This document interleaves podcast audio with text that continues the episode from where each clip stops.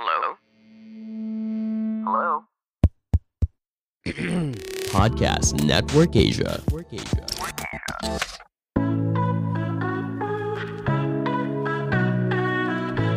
Selamat datang di AS Talk. Anissa Steviani Talk, podcast mingguan. Temanmu berbagi cerita seputar parenting, keuangan, dan perempuan yang relatable dan semoga bisa mencerahkan. Karena setiap cerita pasti punya makna.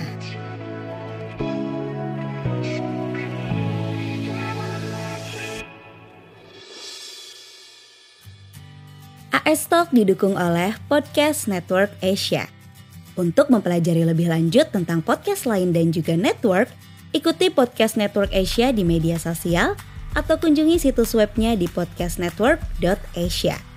Didukung juga oleh Podmetrics, cara termudah untuk memonetisasi podcast kamu. Daftar sekarang gratis di podmetrics.co. Halo. Halo. Aduh, bosan gak sih ngomongin uang? Capek gak? Capek nyarinya kalau duit. Oh capek nyarinya, capek memanage juga ya? Iya benar. Habis ini gampang.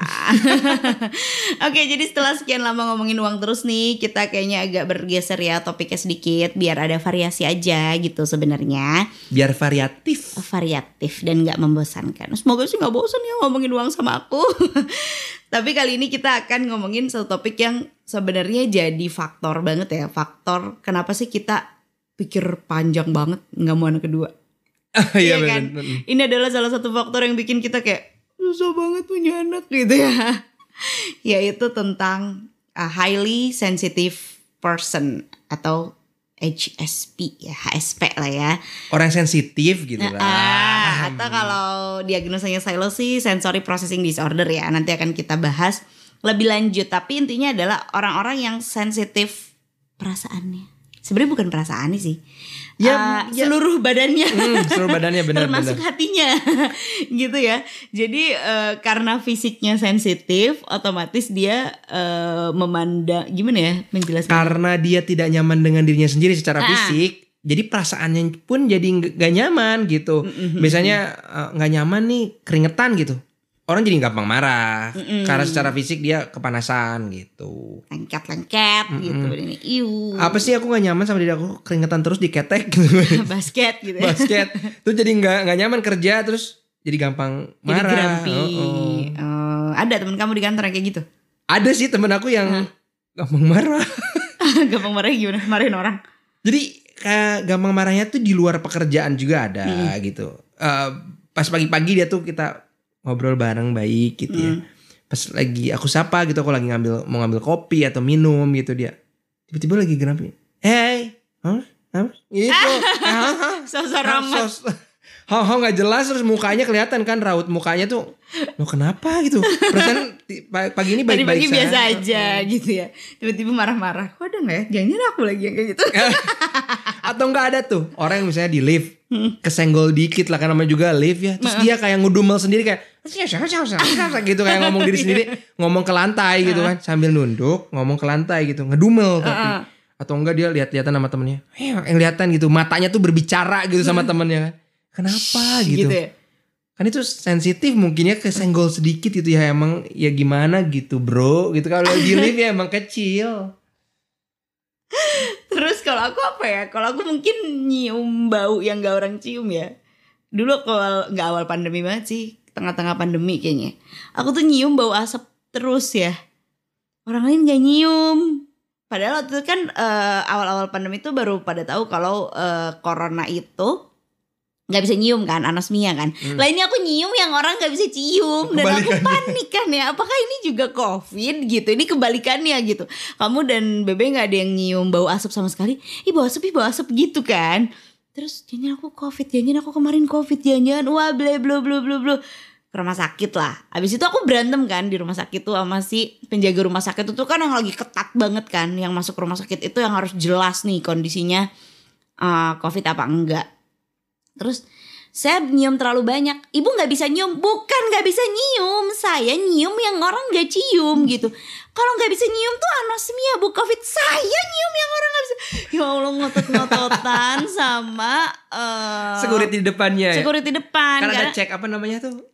Pre-check Screening gitu. kan? Screening kan sebelum masuk ke eh. dia kekeh banget kalau aku nggak bisa nyium bukan bah salah salah orang lain gak nyium saya nyium gitu terus kayak Hah, aneh. Pokoknya tapi kan swab segala macam PCR PCR nggak ya? Aku lo itu tuh kayak masih musim PCR nggak ya? Pokoknya intinya enggak aja nggak positif. Terus sama dokter cuma disuruh cuci hidung doang biar nggak tahu lah kenapa pokoknya ya. Tapi karena aku memang ada rinitis alergi ya memang cuci hidung tuh udah biasa lah gitu. Ya udah cuci hidung doang. Cuman ya itu aku suka mencium bau-bau yang orang gak cium Kebayang kalau orang nggak bau nyium terus kamu nyium bau ketek sendiri. Ih gitu kan. Ya Nyet, ketek orang gitu. Ih kayak sensitif gak sih? Jijik banget.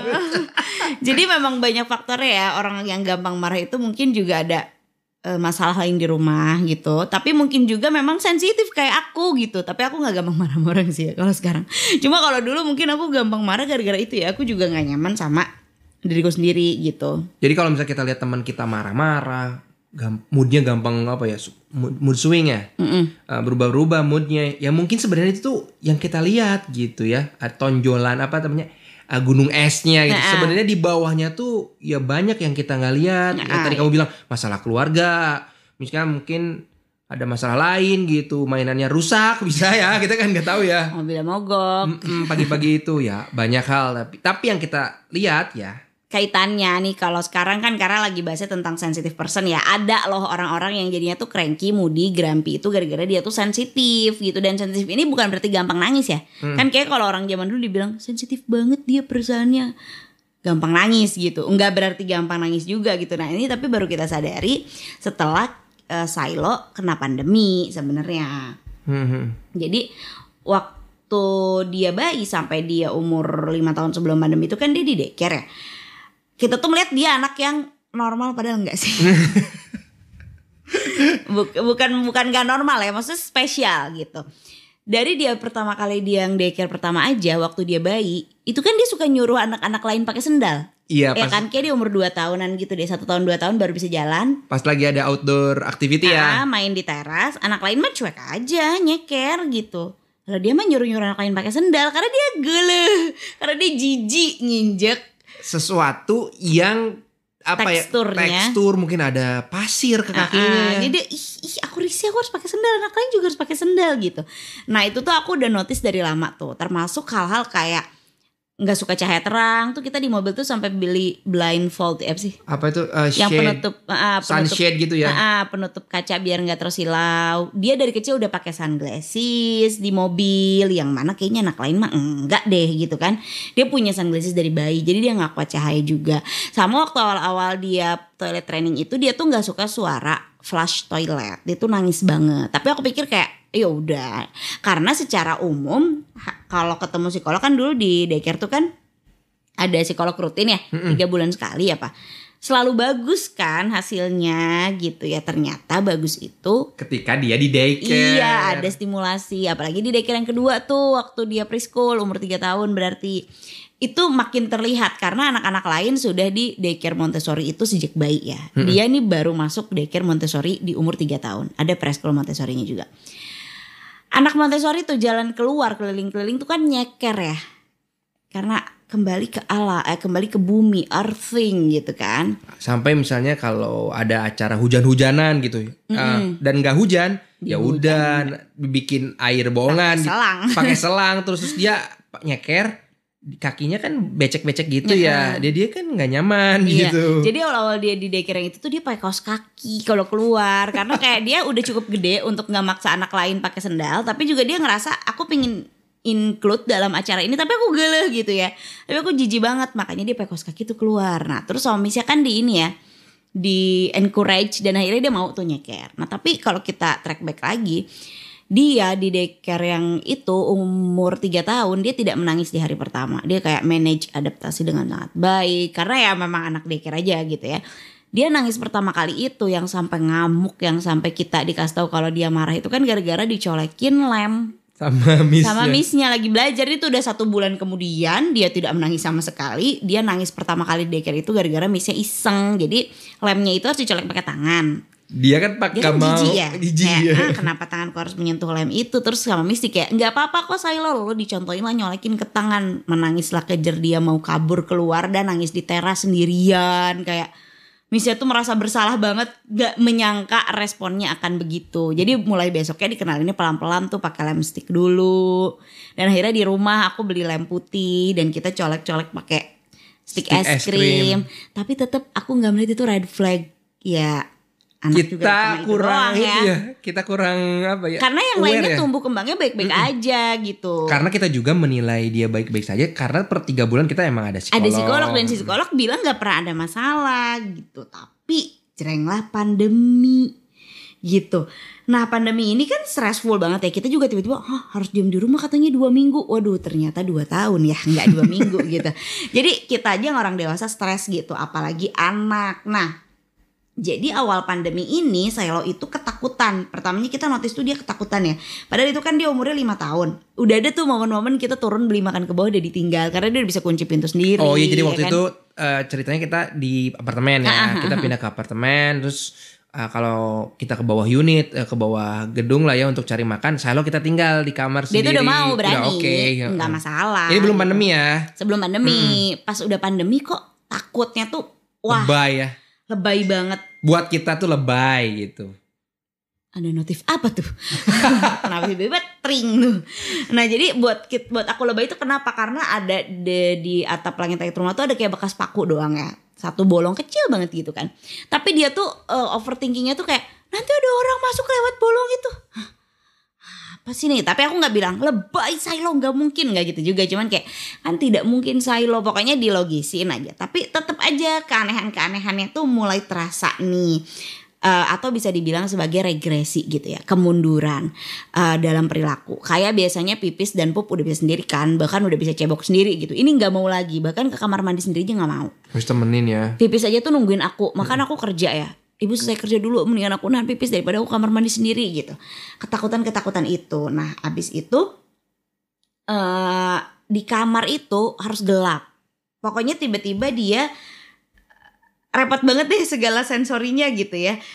Kelihatan bahwa ini anak kok Berubah. berubah. Berubahnya tuh benar-benar kerasa ya eh, dari yang ya biasa aja biasa melakukan aktivitas sehari-hari kok berubah gitu. Aktivitas kehari-harinya keganggu. terganggu. Dan memang ini bukan Silo nih gitu.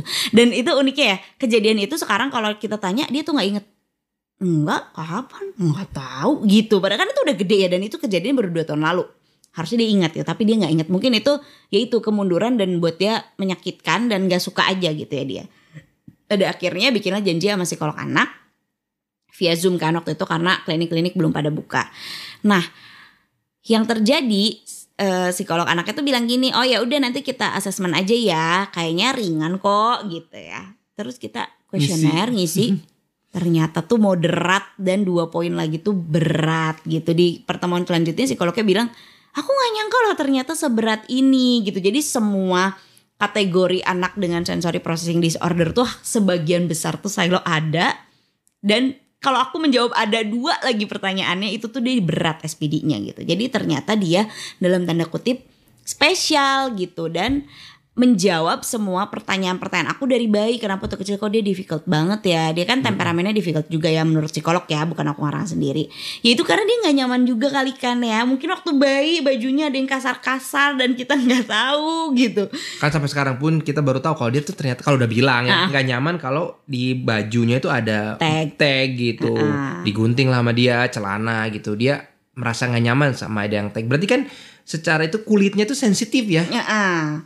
Jadi waktu itu ya kembali lagi ke zaman Silo yang gak suka dengar suara di flash lah, yang yang risihan lah sama segala sesuatu. Nah, Ke mall kan. tuh kalau ada suara musik atau itu dia Nah, akan akan apa ya? tantrum waktu kecil tantrum dan sebenarnya. gak nyaman ya. Iya, kayak, dan kayak tengok-tengok kiri kanan atas bawah tuh apa yang terjadi ini ada apa Iya, gitu. padahal waktu kita menjalani si tantrum umur 2-3 tahun, aku tuh merasa itu kayak oh wajar aja emang anak umur segini lagi terrible tuh, lagi tantrum segala macam.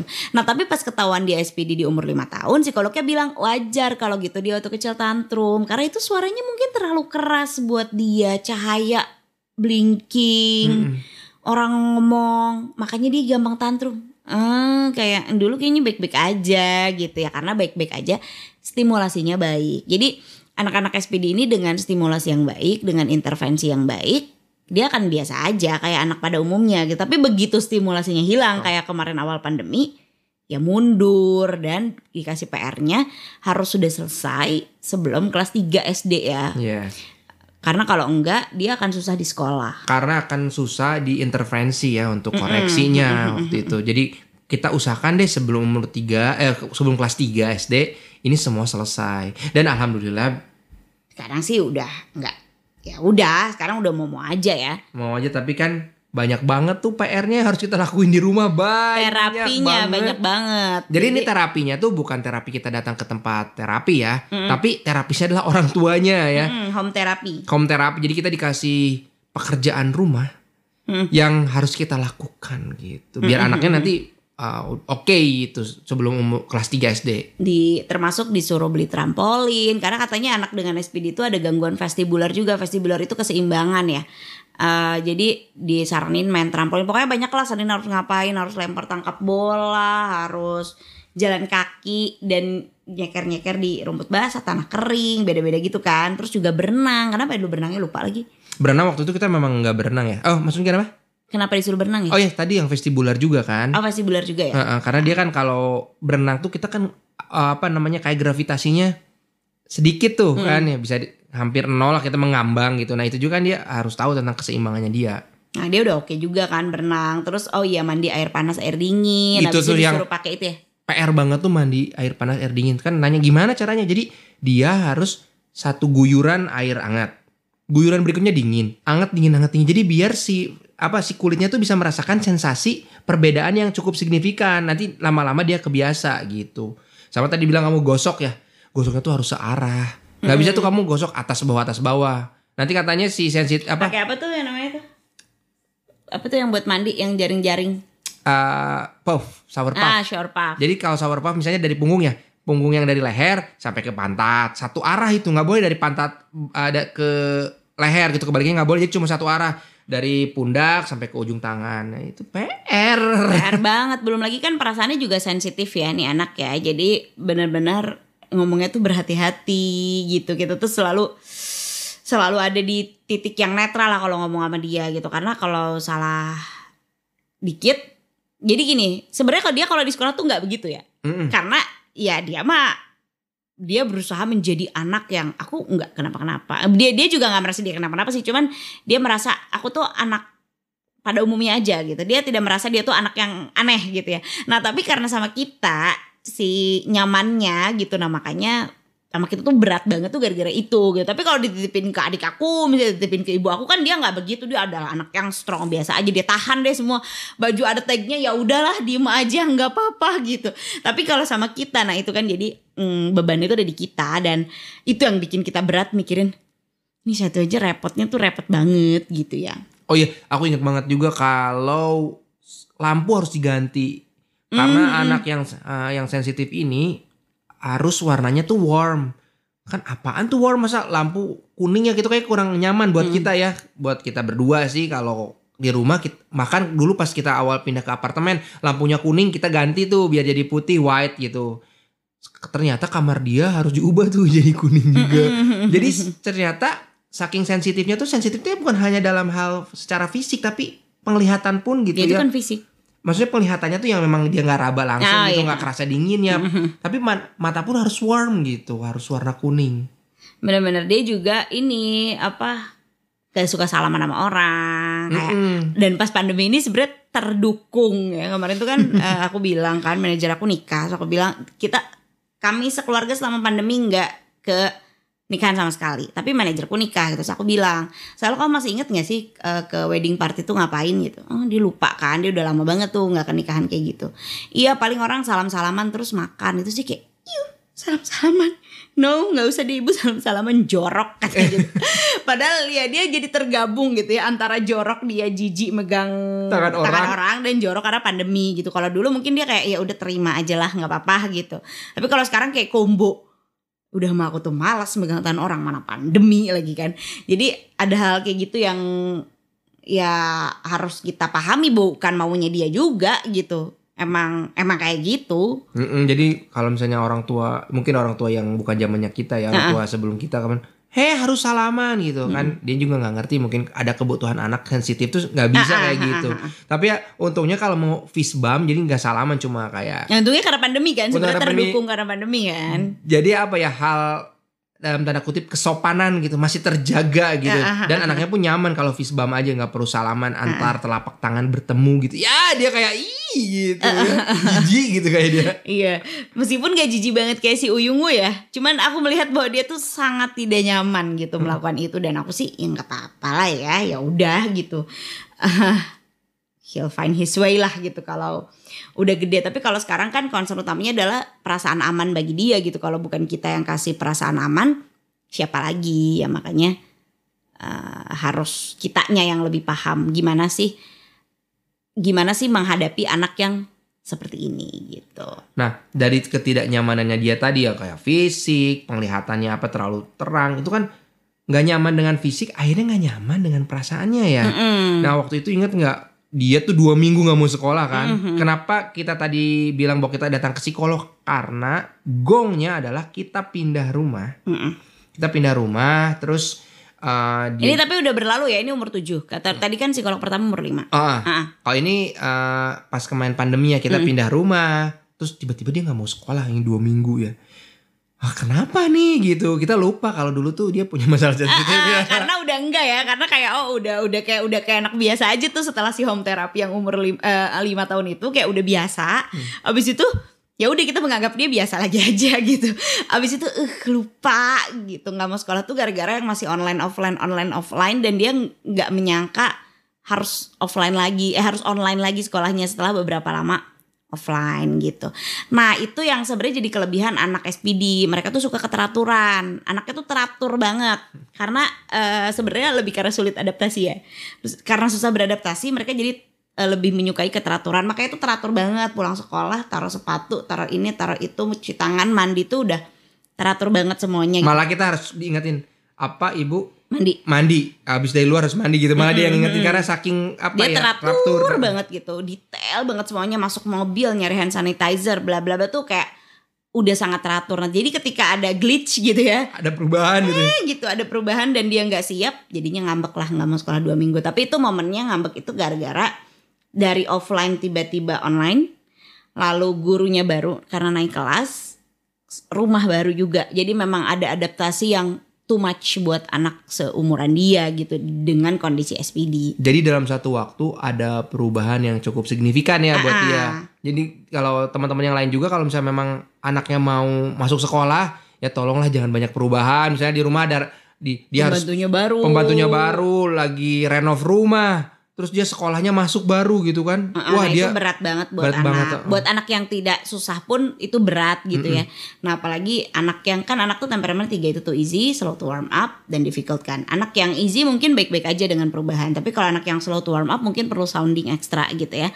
Eh, apa aja sih yang kira-kira akan berubah? Nah, kalau anak yang difficult ini soundingnya harus lebih lagi gitu. Makanya sekarang aku sounding ke Silo tuh berulang-ulang Silo ini tuh bisa aja loh kamu kapan aja sekolahnya online. Ada selalu ada itu gitu. Nggak berarti ya kita sekolah offline selamanya. Karena waktu terakhir aku begitu ya elah salah. salah dong Harus set ekspektasi dia juga ya. Iya, jangan kan kayak gitu. Kemarin dia makan siang di sekolah kan. Nah itu tuh aku tuh benar-benar duduk bareng. Eh kita going through menunya satu-satu. Karena kan makan siang di sekolah kan asing ya, bukan makanan yang sehari-hari di rumah gitu. Rasanya pun akan berubah, mungkin Ah, akan mungkin berbeda. berbeda gitu. Mungkin nasinya aja teksturnya beda gitu ya. Nah hal-hal kayak gitu tuh aku liatin satu-satu. Ini mana nih dari menu ini yang kamu nggak tahu? Oh kamu nggak tahu mix veggies itu apa sih ibu? Kita browsing dulu. Ini kira-kira bentuknya akan seperti ini. Jadi ada eh, usaha-usaha ekstra yang memang aku lakukan biar anaknya bisa beradaptasi dengan lebih mudah gitu. Jangan sampai nanti di mulutnya akan memberikan kejutan gitu. Ternyata "Hmm, ini ada rasa apa gitu kan. Ah benar. Nah makanya kalau ada orang yang bilang "Eh, punya anakmu emang semuanya juga susah kok? Enggak. Enggak. Ah, kalau kamu bilang aku juga susah tapi anak aku tiga, mungkin anak pertama kamu easy. Ya mungkin easy-easy semua ya. Nah, mungkin easy easy easy semua. Atau enggak suka ada yang bilang kan, Ih, ini mah adiknya mah ini beda banget ya. Dulu kakaknya mah nggak gini. Anak pertama kamu easy, makanya kamu memutuskan untuk punya anak kedua gitu karena kamu merasa susah sih tapi bisa aku handle lah. Nah kalau ini tuh susah sih tapi gimana nih kita ngehandle-nya? Kita udah berdua tapi kok tetep berat gitu ya gitu jadi eh, lain kali kalau mau bilang mau menasihati orang dengan Enggak kok punya anak mah di mana-mana juga susah. Kamu nggak merasakan punya anak yang dalam tanda kutip susah gitu. Dan kamu cuman bicara pada kita yang kesusahannya tuh hanya dalam tanda kutip again hanya SPD moderat. Banyak orang tua lain yang ada di spektrum-spektrum lain yang mungkin lebih berat lagi gitu. Anaknya terlihat normal, baik-baik aja, padahal wah gitu kan. Kayak misalnya sekarang kan lagi orang-orang le- udah banyak tahu banget tentang autis ya. Ternyata autis tuh Spektrumnya spektrum luas tuh banget. luas banget ya. Ada yang memang apa yang parah banget gitu ya. Ada yang memang apa yang mild gitu ya. Ya kayak gitu sih. Jadi uh, judge kita ngejudge orang tuh memang harus memang dikurangin sih. Kita nggak pernah tahu kesulitan orang. Kita ngomong tadi kesulitan dari anak. Belum yang keduanya kesulitan ekonomi kah mungkin kah atau support system ternyata si ibunya nggak dibantu atau malah ayahnya terus yang ngurus anak, ibunya kurang membantu kan kita nggak tahu gitu. Jadi jangan pernah nyuruh-nyuruh orang nambah anak apalagi pakai embel-embel. Susahnya sekalian kamu nggak pernah ngerasain mungkin orang yang harus terapi berapa minggu sekali gitu sampai ada siblingnya yang mungkin nggak keurus juga gitu nah hal kayak gitu. Tapi yang unik dari kita ngisi kuesioner silo SPD adalah kita juga ngerasa lah ini mah kita. Gitu ya kan. kan kita kita ngisinya tuh bareng-bareng ya. Ini kok aku gitu yang yang pa- poin ini gitu. Ih kenapa ini kita? Kenapa ini kita? Jangan-jangan kita juga dulu ada masalah sensori gitu ya. Kita nggak berani bilang kita SPD ya karena kalau disorder tegak diagnosa harus via psikolog gitu ya. Tapi ih, ini mah kita banget. Dan ibu aku banget gitu kan kadang-kadang "Eh, ini mah ibu aku juga gitu. Jadi memang sangat mungkin kalau genetik Mm-mm. kata psikolognya Diturunkan ya. diturunkan gitu contoh paling yang kita rasakan bersama bertiga di keluarga ini adalah tidak ada jam dinding berdetik di rumah ini Jadi kita nggak punya jam analog yang kalau malam-malam tik tik wah udah nggak bisa tidur. Kalau kalau kita nginep di rumah orang tua aku ya, aku cabutin semua tuh. Jam dinding baterainya aku cabutin karena itu mengganggu banget. Nah, kalau di rumah aku di lantai dua emang gak ada jam dinding kan, jadinya oh, jam dinding ada tapi gak ada detiknya, jadi muter doang menit sama jamnya. Nah kalau di rumah kamu ada cabut Cabut, semuanya, kalau nggak cabut. nggak bisa. Mana kursi aku naik ke atas aku cabutin Kalau semua. nggak, Kan, nggak aduh nggak bisa tidur. Terganggu, gak suka banget. Nah tapi pas menyadari itu aku juga jadi sadar kenapa aku stres banget waktu melahirkan. Karena alat apa tuh yang dipasang di perut CTG ya. CTG itu kan berdetik. Itu aku mual, aku mau muntah, aku jadinya marah sekali. Aku marah banget sama kamu. Keluar kamu segala macam. Menurut aku sakitnya tuh nggak seberapa gitu. Bahkan setelah si CTG-nya dilepas dan aku induksi, itu aku malah lebih tenang gitu. Kata orang-orang induksi sakit banget, induksi sakit banget. Sakit deh nggak apa-apa, tapi jangan ada suara tik tik tik berjam-jam. Kayak eh, sedetik satu menit aja ngedenger suara detik aku nggak kuat gitu ya. Mau muntah banget kepala aku tuh kayak mau meledak gitu kasih CTG ah itu sih yang menurut aku bikin aku stres saat aku melahirkan gitu. Sekarang aku lihat-lihat orang yang eh, gentle birth ya. Oh mungkin mereka eh, tahu sendiri level stres mereka tuh di mana gitu. Sehingga mereka oh ya udah bisa menolak. Kalau dulu kan aku nggak tahu ya. Jadi gentle birth tuh dia memilih cara melahirkannya begitu. Iya dia memilih sendiri. Tapi nggak perlu di rumah ya. Bisa juga di rumah sakit tapi caranya gentle gitu. Misalnya kalau kalau dulu kan aku nggak tahu bahwa sambil seperti itu aku boleh lo berdiri. Aku boleh lo mau jalan-jalan kalau aku nyamannya Oh. begitu. Kan itu aku nggak tahu ya Oh jadi ingat ada lihat video yang lahirannya sambil berdiri bener aku Ah, tapi di rumah sakit gitu Hmm. misalnya. Nggak apa-apa tapi ya gentle sesuai keinginan si ibunya insting ibunya gimana gitu. Bukan kayak aku tiduran pakai eh, alat segala macam berisik dan akunya nggak nyaman. Dan bahkan untuk bilang aku tidak nyaman aja aku nggak tahu gitu. Untuk boleh loh bilang ke suster. Mungkin aja kamu nggak punya anak juga bisa gara-gara trauma itu ya. Trauma pas lahirannya gitu ya. Oh kalau itu sih gara-gara trauma baby blues sih kayaknya. Itu lebih besar sih trauma baby blues ya daripada itu. Cuma ya itu nggak kuat detik jam itu kita rasakan bersama. Nggak kuat bau ya. Ini tuh kentut aja bisa jadi pertengkaran ya di rumah ini. Bebe kentutnya bau banget gitu. karena semuanya sensitif pada bau. Dan kadang-kadangnya aku tuh merasa eh bukan kadang-kadang aku tuh sekarang merasa karena aku menyadari kita bertiga tuh sama-sama sensitif pada bau aku tuh otomatis tahan nafas tuh pada hal apa pun. Jadi dulu rumah aku kan dekat pasar jadi kalau aku pulang sekolah tuh aku terminalnya tuh di pasar. Jadi aku turun dari terminal tuh aku harus melewati beberapa meter pasar dulu lah sebelum sih akhirnya gerbang komplek gitu kan. Itu aku turun dari pasar aja tuh aku udah otomatis tahan nafas dan kalau bawa tisu tuh aku tutup pakai hidung. Dan aku nggak mau ngeluarin lidah aku ke bibir karena aku merasa kalau lidah aku keluar itu adalah si udara pasar menempel di lidah aku. Jadi aku geleh gitu ya. Jadi aku otomatis tahan nafas. Nah sekarang setelah aku belajar breathing exercise aku belajar mindfulness itu kan fokusnya ke nafas ke nafas ke nafas ya. Aku tuh sadar kalau aku tuh sering banget tahan nafas. Karena aku kayak misalnya gini masuk mobil orang. Dan aku tuh di otak aku kayak bisa jadi nih mobilnya bau gitu ya Takut bau Stella gak? Ah. Stella kayak kayak jeruk. masuk gokar nih pertama kali. Sekarang tuh aku otomatis tahan nafas dulu. So aku akan nafas pelan-pelan. Oh enggak gitu. Tapi itu aku sadari setelah aku belajar breathing exercise bahwa bernafas itu penting, bernafas itu bikin kita grounding segala macam. Itu oh ternyata aku tuh sering banget loh tahan nafas gitu. Saking aku benci banget sama bau. Kalau kamu itu tuh si yang sebelah situ tuh. Aku tuh selalu pakai kos kaki ya. Ah, ah. Siang, dulu- malam. Dulu nggak mikir apa-apa ya sebelum kita tahu saya lo SPD ya mikirnya aku nggak nyaman kalau nggak pakai kaos kaki gitu kan. Tapi ternyata SPD. emang gue loh, gue nggak mau nyeker sensitif aja gitu ya. kan. ah. Kena debu dikit gitu nggak nyaman gitu. Kalau kaki itu ada apa nginjek. Ah, ah. Aduh nggak nyaman banget. Selalu pakai kaos kaki dan ibu aku juga sama dong di rumah. Always pakai kaos kaki, harus pakai sendal, nggak boleh enggak gitu. Ya gimana anaknya nggak begitu ya? Bisa aja aku tidur tuh pakai AC dingin ya. Aku nggak pakai baju bisa. Tapi enggak aku nggak pakai kaos kaki. Harus pakai kaos karena kaki. ya itu karena ke- mungkin telapak kaki yang paling deket nempel ke lantai gitu kan nah ini juga menjawab kenapa kita nggak suka pantai jadi nggak suka pantai karena oh my god jangankan pasir sebanyak itu harus nyelip nyelip di kakiku ya kayak ada satu pasir aja nempel gitu di kaos kaki aku aku buka dulu sih maksudnya aku aduh risih banget lah nempel-nempel eh, nggak suka gitu. Nah tapi pas yang waktu terapi SPD itu kita juga rada concern ya beli pasir, beli apa biar saya lo belajar gitu. Ya itu sih nggak suka banget juga. Abis itu kalau aku nggak suka pedas, jadi lidah juga emang agak-agak sama tekstur aneh itu aku tuh paham banget. Kalau kamu kan enggak ya? Kalau kamu nggak ada masalah sama lidah, makanya kamu suka sulit tuh berempati sama Silo. Kenapa sih Be? Ini kurang nggak apa-apa juga gitu kan? Eh, kayak kemarin tuh kamu nanya kenapa kamu makan itu mangga? Ya kamu ngupas mangga kulitnya masih ada tebel nggak bakal dimakan ya masih bebek aku mah tahu gitu karena dia pasti jijik karena lidah aku juga tuh sensitif banget sama tekstur gitu. Cuman eh, ada di aku nggak pakai kaos kaki tapi cuman aku lidah aku sensitif cuma aku nggak pakai kaos kaki aku nggak apa-apa. Terus kamu nggak suka cahaya? Ya? Aku eh, kalau jadi kalau aku nyetir mobil tuh aku suka pakai aku sering banget pakai sunglasses ya. meskipun nggak silo-silo banget orang mikirnya kan biar gaya enggak. Silau. silau, enggak nyaman aku. Ah bener-bener makanya aku punya Ray-Ban yang 90% tuh dulu kayaknya itu juga gara-gara aku nggak nyaman sih aku nggak suka banget sama ah, cahaya kalau bisa kenapa sih harus silau gitu kan sama kalau aku nggak suka suara keras. Nah itu aku big yang problem nikah sama kamu tuh adalah kenapa sih harus nyetel musik keras-keras? Kalau sekarang mungkin aku antara berkompromi atau terbiasa ya. Tapi buat aku tuh terganggu aku tuh terganggu sekali dengan suara keras yang berulang gitu.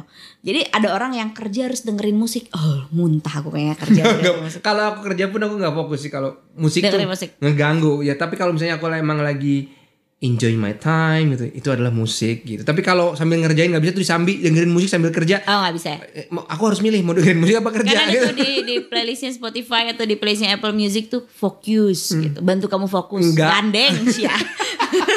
nggak nggak suka suara, nggak suka suara. Kalau bisa nggak ada suara tuh nggak usah ada suara gitu. Jadi eh, untungnya saya lo nggak liat sleeper tuh. Nah kalau saya lo di situnya dia enggak ya. Hmm. Dia tuh eh, dia nggak pakai kaki juga. Kadang-kadang doang sih. Dia kadang-kadang malam-malam risih mau pakai kaos kaki. Eh, Oke gitu ya. Dia tapi nggak light sleeper untungnya karena aku light sleeper banget.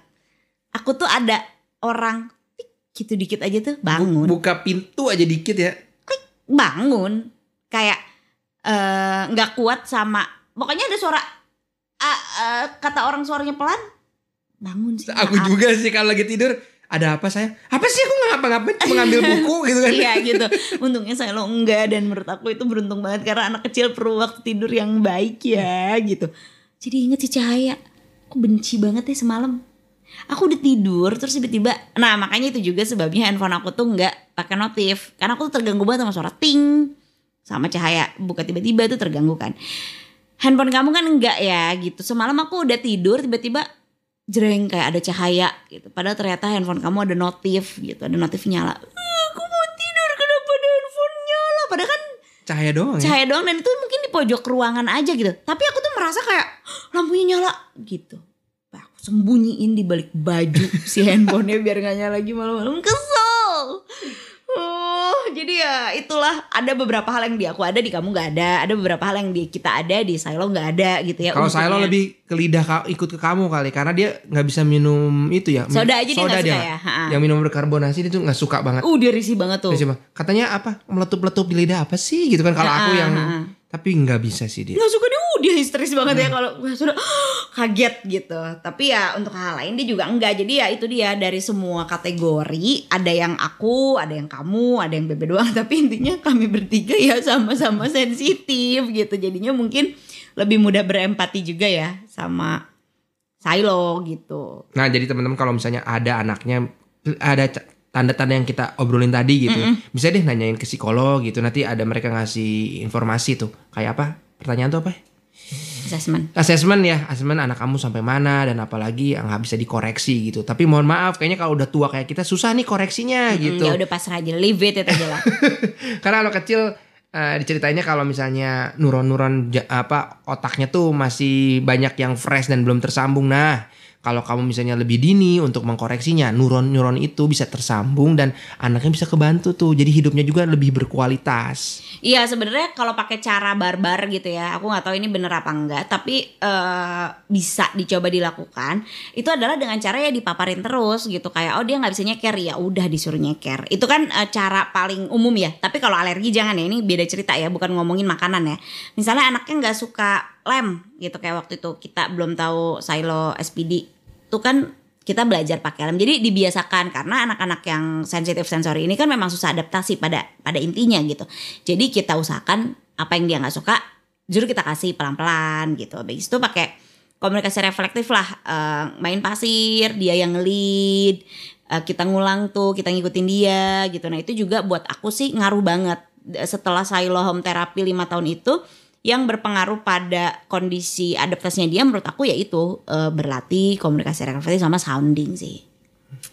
Gitu. Jadi nggak usah apa ya tiba-tiba "Oh, kaget jangan-jangan anakku juga gitu. Nggak usah gitu juga sih. Cuman ya dilihat aja kalau ternyata sudah mengganggu keseharian kayak Silo yang lima tahun jadi nggak bisa pipi sendiri disarankan sih ke psikolog aja. Tapi kalau ternyata masih mengganggunya di level jadi nggak mau main pasir anaknya ya dilatih aja gitu sih cerita sensitif keluarga kami Saking sensitifnya kita lupa waktu nih. lama juga ya Masalah ceritanya sensitif kita. Ah, ah, masalah sensitif kita ya udah deh kalau gitu sampai ketemu di episode episode berikutnya Aku JG. Aku Este bye Bye. Halo semuanya, nama saya Michael. Sorry kalau mengganggu kamu yang lagi asik dengerin podcast ini. Tapi, kalau kamu mau dirangkumin buku secara singkat, yuk dengerin podcast Sikutu Buku. Nah, kamu bisa dengerin Sikutu Buku di Spotify atau media podcast lainnya yang didukung oleh Podcast Network Asia. Sampai bertemu ya, bye!